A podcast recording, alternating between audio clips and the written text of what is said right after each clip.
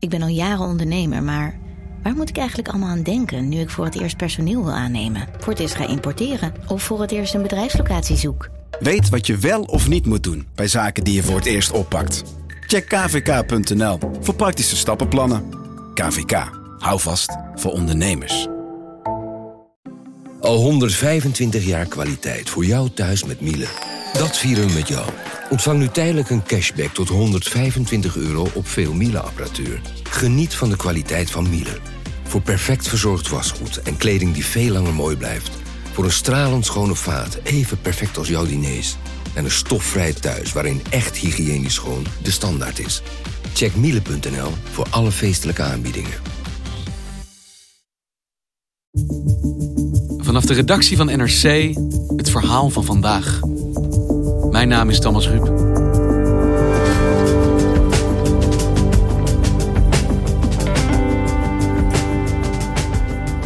Van het oer-Hollandse Philips is bijna niets meer over.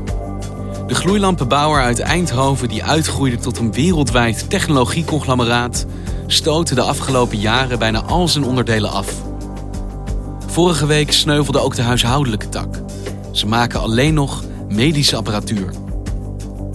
Rest van Philips niets meer dan een schim? Of schuilt hierachter juist een nieuwe, slimme strategie?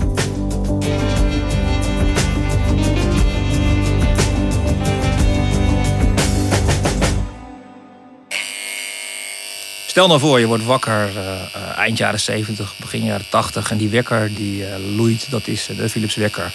Daan van Lent is chef van de economieredactie van NRC. Je gaat naar de badkamer en pakt je Philips shave om die baardharen af te scheren. Je loopt naar beneden, perst een sinaasappeltje op die, het heette nog geen juicer, maar zo'n persapparaat van Philips. Je zet de Philips koffiemachine aan, je wil een muziekje draaien. En je gooit je vinylplaat uh, op de langspeelspeler, uh, hoe heet zo'n ding, zo'n platendraaier van Philips. Uh, dat overhemd is niet gestreken, dus die Philips strijkijzer komt tevoorschijn. de stofzuiger die loeit al, want daar is je moeder mee bezig. Je hoort boven de Philips wasmachine draaien. De droger was er misschien nog niet, dat weet ik eigenlijk niet. En je loopt nog heel even naar de koelkast en verrekt, dat is een Philips koelkast waar je dan nog een glas melk uitpakt. Voordat je naar de schuur holt om je fiets te pakken en naar school te gaan. Philips, Philips, Philips. Elke hoek van je huis stond Philips. Ik denk dat het in die tijd heel ingewikkeld was om een huis te vinden waar helemaal niks van Philips stond. Of het moet echt een aparte Philips hater geweest zijn. En nu?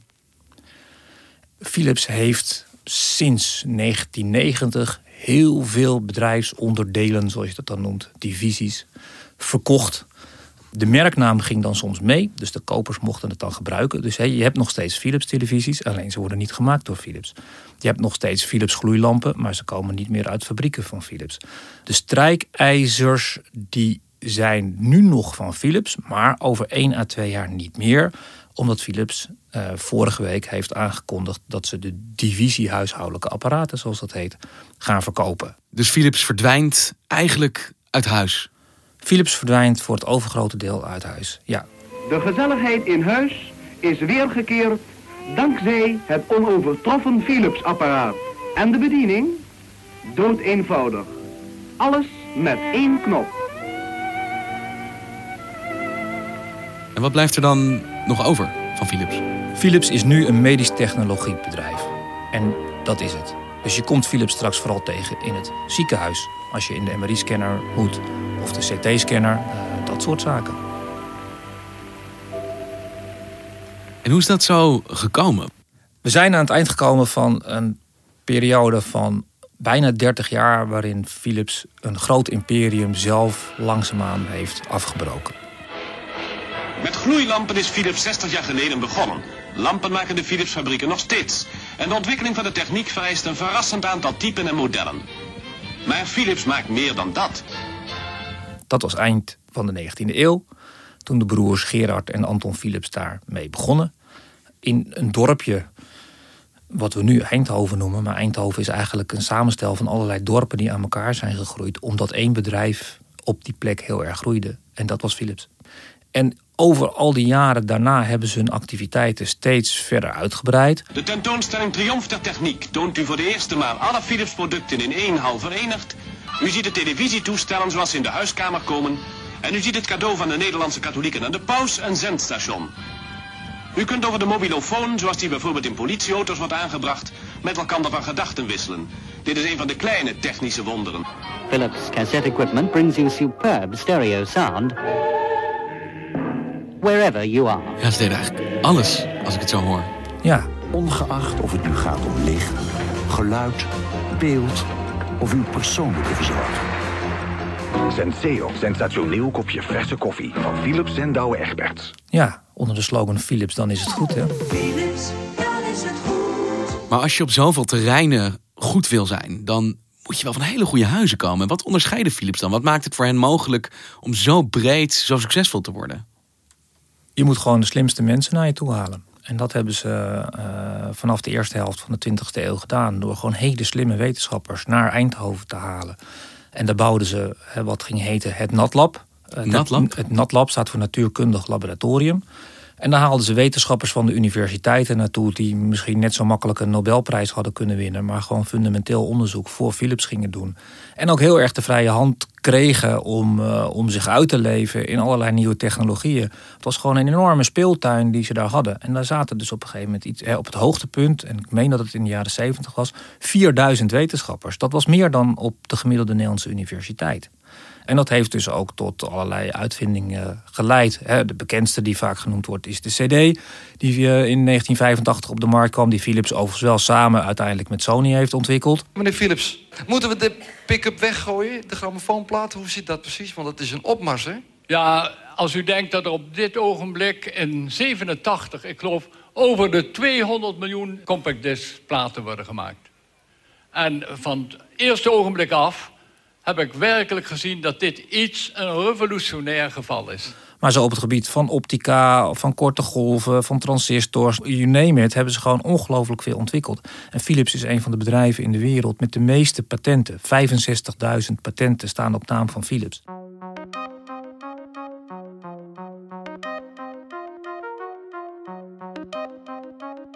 Het paste ook in het tijdsbeeld dat je in de hele westerse wereld in die periode gewoon enorm grote uh, bedrijvenimperia kreeg. Conglomeraten die eigenlijk heel verschillende dingen deden die niet zo heel veel met elkaar te maken hebben. En hoe groot werd Philips op zijn hoogtepunt? Philips had op zijn hoogtepunt uh, rond de 400.000 werknemers wereldwijd. Gigantisch. Ja. Maar het hart van de operatie, het hoofdkantoor bleef in Eindhoven, in Nederland. Dat zeker. Eindhoven werd totaal gedomineerd door Philips. En uh, je hebt bij Eindhoven natuurlijk ook een vliegveld. Dat was, vliegveld was natuurlijk eigenlijk voor Philips. Hoe bedoel je? Uh, nou ja, al die managers die moesten natuurlijk er makkelijk kunnen vliegen... zonder dat ze, dat ze ook nog heel Nederland door hoefden. Dus als er een vliegveld bij Eindhoven komt... ja, weet je, wat vroeger een paar boerendorpen waren... dan heeft dat alles met het bedrijf te maken. Maar de invloed van Philips was dus veel breder dan alleen apparaten in je huis. Ze vormden eigenlijk Nederland op een bepaalde manier. Ze hebben Nederland op een, uh, op een hele duidelijke manier gevormd. Zeker ook toen ze zich verspreiden.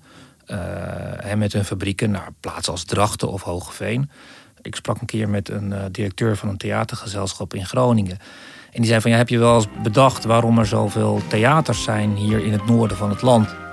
Kijk waar die theaters staan. Die staan in Drachten en in Hogeveen. In de plaatsen waar Philips een fabriek heeft gevestigd. En dat was dus wat Philips deed. Die wilde het aangenaam maken voor de werknemers. Huisvesting moest goed geregeld zijn. Onderwijs moest goed geregeld zijn. Medewerkers moesten zich kunnen ontspannen met sport en cultuur. Dus in die plaatsen zorgden ze dat die ontwikkeling goed was. PSV is natuurlijk de Philips Sportvereniging. Die nu niet meer gefinancierd wordt door Philips.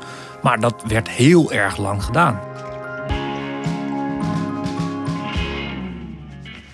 Maar als Philips zo groot was en niet alleen technologisch en economisch, maar ook eigenlijk een culturele macht in Nederland was, waarom stoppen ze dan nu eigenlijk met bijna al hun taken op dat medische na? Wat zit hierachter? Waarom zou je dat doen? Nou ja, die afbraak, als je het zo mag noemen, die begon in 1990. En dat kwam omdat het bedrijf steeds dieper in de schulden kwam en niet meer goed financieel presteerde. En de nood kwam aan de man en de vrees voor een faillissement, voor dat enorme concern waar toen rond de 300.000 mensen voor werkten uit mijn hoofd, 350.000 misschien. Maar die financiële nood werd groot, dus er moest ingegrepen worden. En waar kwam die neergang vandaan? Wat heeft dat ingeluid? Philips was gewoon minder winstgevend dan zijn concurrenten. En deed het op veel markten net minder dan zijn concurrenten. En dat waren allerlei bedrijven omdat ze op allerlei verschillende markten opereerden. Uh, maar ze waren nergens meer het meest prominente bedrijf. En uh, in 1990 trad een nieuwe topman aan. Jan Timmer heette die. Uh, een bakkerszoon uit de Betuwe. die groot was geworden binnen Philips. Dus hij was ooit op een administratieafdeling begonnen was de baas geweest van de platenmaatschappij die Philips had, Polygram. En van de consumentendivisie. Dus daar zaten dan de televisies en de radio's. En toen werd hij de grootste baas. En toen zei hij: Het kan zo niet verder. Er moeten mensen uit. 40.000 ontslagen internationaal en vele duizenden ontslagen in Nederland. Heel erg is ook dat er door Philips geen geld voor een afvloeingsregeling beschikbaar wordt gesteld. Het nieuws sloeg in Eindhoven in als een bom. Je zou kunnen zeggen dat het in de lichtstad heel langzaam donker werd. Hij heeft het nog heel voorzichtig gedaan, want hij was dan toch een Philipsman in hart en nieren. En zijn opvolger, Cor Boonstra, die, uh, die ging er wat harder in. En toen begon het echt. Philips verkoopt zijn belang in muziek- en amusementsconcern Polygram aan het Canadese Seagram. De verkoop levert Philips naar schatting circa 20 miljard gulden op. Boonstra heeft die platenmaatschappij Polygram verkocht en dat was een grote jongen in de, in de platenindustrie. Met artiesten als ABBA en Elton John en de Berliner Philharmoniker. Weet je, alles zat daaronder. Het concern heeft een tegenvallend eerste kwartaal achter de rug. En het Philips van Corboonstra beschouwt Polygram niet langer als een kernactiviteit. Ja, dat levert dan een smakcent op en dat kan je dan weer in andere activiteiten eh, investeren. En dat is ook een hele gelukkige keuze geweest. Want het was nog maar een paar jaar later. Toen kwamen de mp3'tjes op. Toen kreeg je Napster. Iedereen ging illegaal downloaden. Maar het staat ook wel heel ver af natuurlijk van het oorspronkelijke idee van we gaan gloeilampen verkopen. Nou ja, en de cultuur in een gloeilampenfabriek is natuurlijk een totaal andere cultuur dan de, dan de glamour en de champagne van, uh, van de platenbis. Maar het is eigenlijk een totale omkering van die oorspronkelijke gedachte van wij gaan op zoveel mogelijk fronten groot worden, op zoveel mogelijk plekken in je huis te zien zijn en te gebruiken zijn. We zetten overal op in. Ja, dat en het gaat nog een stap verder. Het hele idee van wij doen interessante vindingen. Hè, wij ingenieurs doen interessante vindingen en die brengen we bij u in de huiskamer, op welke manier dan ook. Dat werd eigenlijk losgelaten en er werd meer gekeken. Waar is de markt? Wat kunnen we verkopen? En wat, wat moeten we daarbij ontwikkelen? En dat is een omgekeerde volgorde. En dat zag je dus ook in bepaalde uh, uh, sectoren goed of fout gaan. Wat die Boonstra zag is dat de mobiele telefoontjes uh, opkwamen eind jaren 90. Dus Philips moest ook een grote speler worden in mobiele telefoons. Gaan we weer proberen en is belangrijk. En er werd op ingezet en er werd op geïnvesteerd. Ik denk dat bijna niemand nog weet dat Philips mobiele telefoontjes in de markt had. Nee. Uh, Philips werd weggedrukt door één grote speler. Weet je nog wie? Ik gok uit Finland. Ja. Iets met een 3310. Ja, Philips kon daar niet tegenop. En toen heeft de Boonstra, die heeft ook zelf besloten... van ja jongens, ik heb hier te veel geld aan uitgegeven. En uh, van de ene op het andere moment heeft hij gezegd... we kappen hiermee. Uh, dat was misschien ook verstandig. Nokia ging die markt uh, domineren tot 2006. En wat is er van Nokia overgebleven?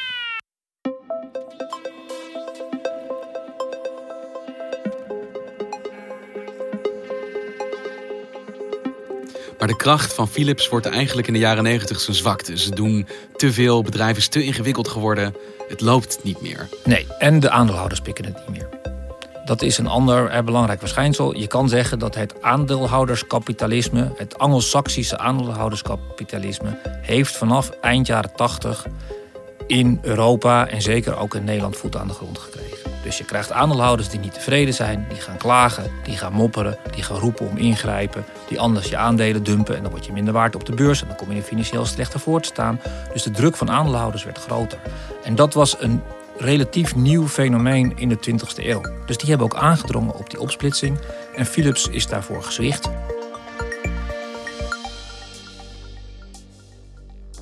Maar als Philips dan gedwongen wordt door ja, nieuwe economische werkelijkheid eigenlijk van die tijd. En ook door aandeelhouders die meer van ze eisen en een ander soort bedrijfsvoering willen zien. Om terug te gaan naar die kernwaarden. Waarom eindigen ze dan bij medische apparatuur? Als nou ja, dit begon met gloeilampen. Nou ja, op die markt concurreerden ze met twee andere bedrijven. Toevallig ook zogeheten conglomeraten. Het Duitse Siemens en het Amerikaanse General Electric. En zij met z'n drieën domineren die markt, die goed overzichtelijk is. Die bestaat uit relaties met de ziekenhuizen en de andere zorginstellingen. En waar een andere partij niet zo makkelijk binnenkomt. Dat is letterlijk wat, uh, wat uh, door Frans van Houten werd gezegd. Wij hebben een goede positie, want wij hebben de relaties bij de ziekenhuizen en de zorginstellingen. Wij kennen de doktoren, wij weten wat ze nodig hebben. We overleggen met ze, we zitten goed bij de universiteiten. Dus daar hebben we een voorsprong, maar die moeten we wel behouden. En het is een markt die enorm groeit. En dat weet iedereen. Met de vergrijzing die er komt, zorg wordt alleen maar meer geld aan uitgegeven. This is universal around the world. All countries in the world struggle with let's say, the burden of healthcare cost on society and therefore need breakthrough solutions. And we are in the sweet spot of how that is being changed. Hier kunnen we blijven winnen. Hier kunnen we een dominante speler zijn in de wereld. Dat zijn we al en dat kunnen we ook blijven. En dat zouden we kunnen verdedigen. Met dien verstande dat inmiddels weer andere grote nieuwe spelers op een sterk veranderende zorgmarkt zijn terechtgekomen. En dan heb je het over de grootmachten van de 21ste eeuw waar de grootmachten van de 20ste eeuw mee concurreren. Google, Apple en Amazon.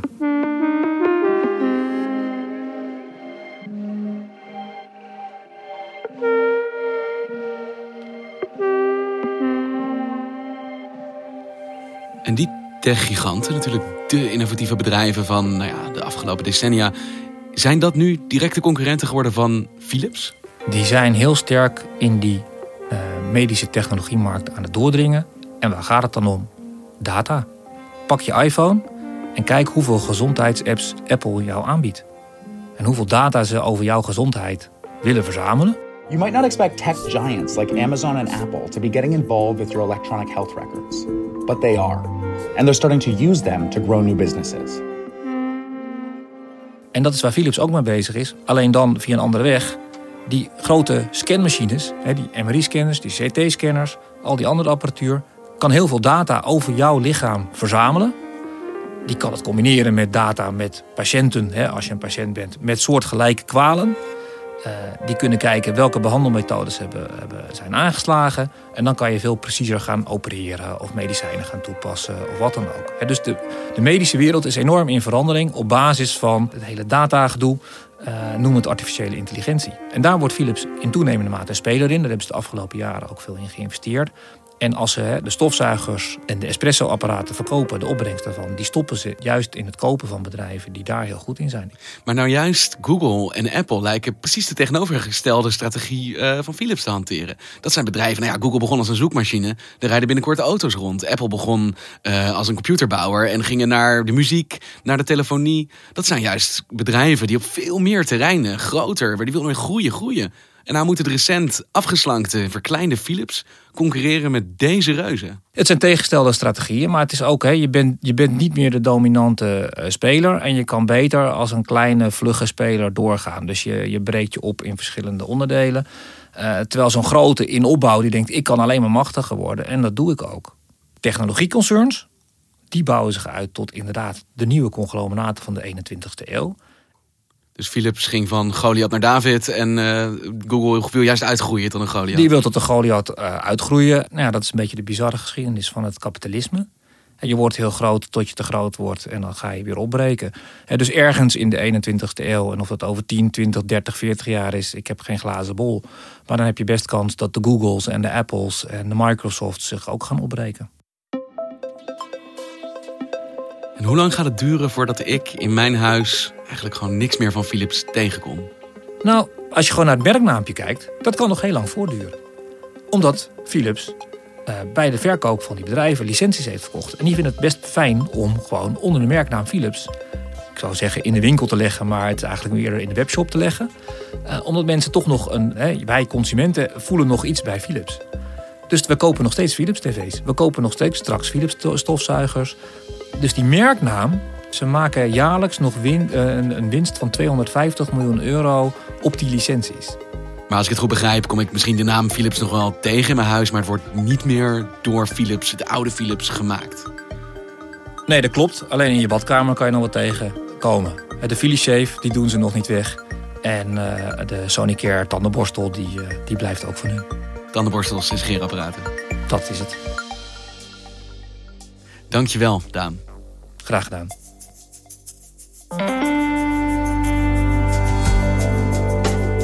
Luisterde naar vandaag, een podcast van NRC. Eén verhaal, elke dag. Dit was vandaag, morgen weer.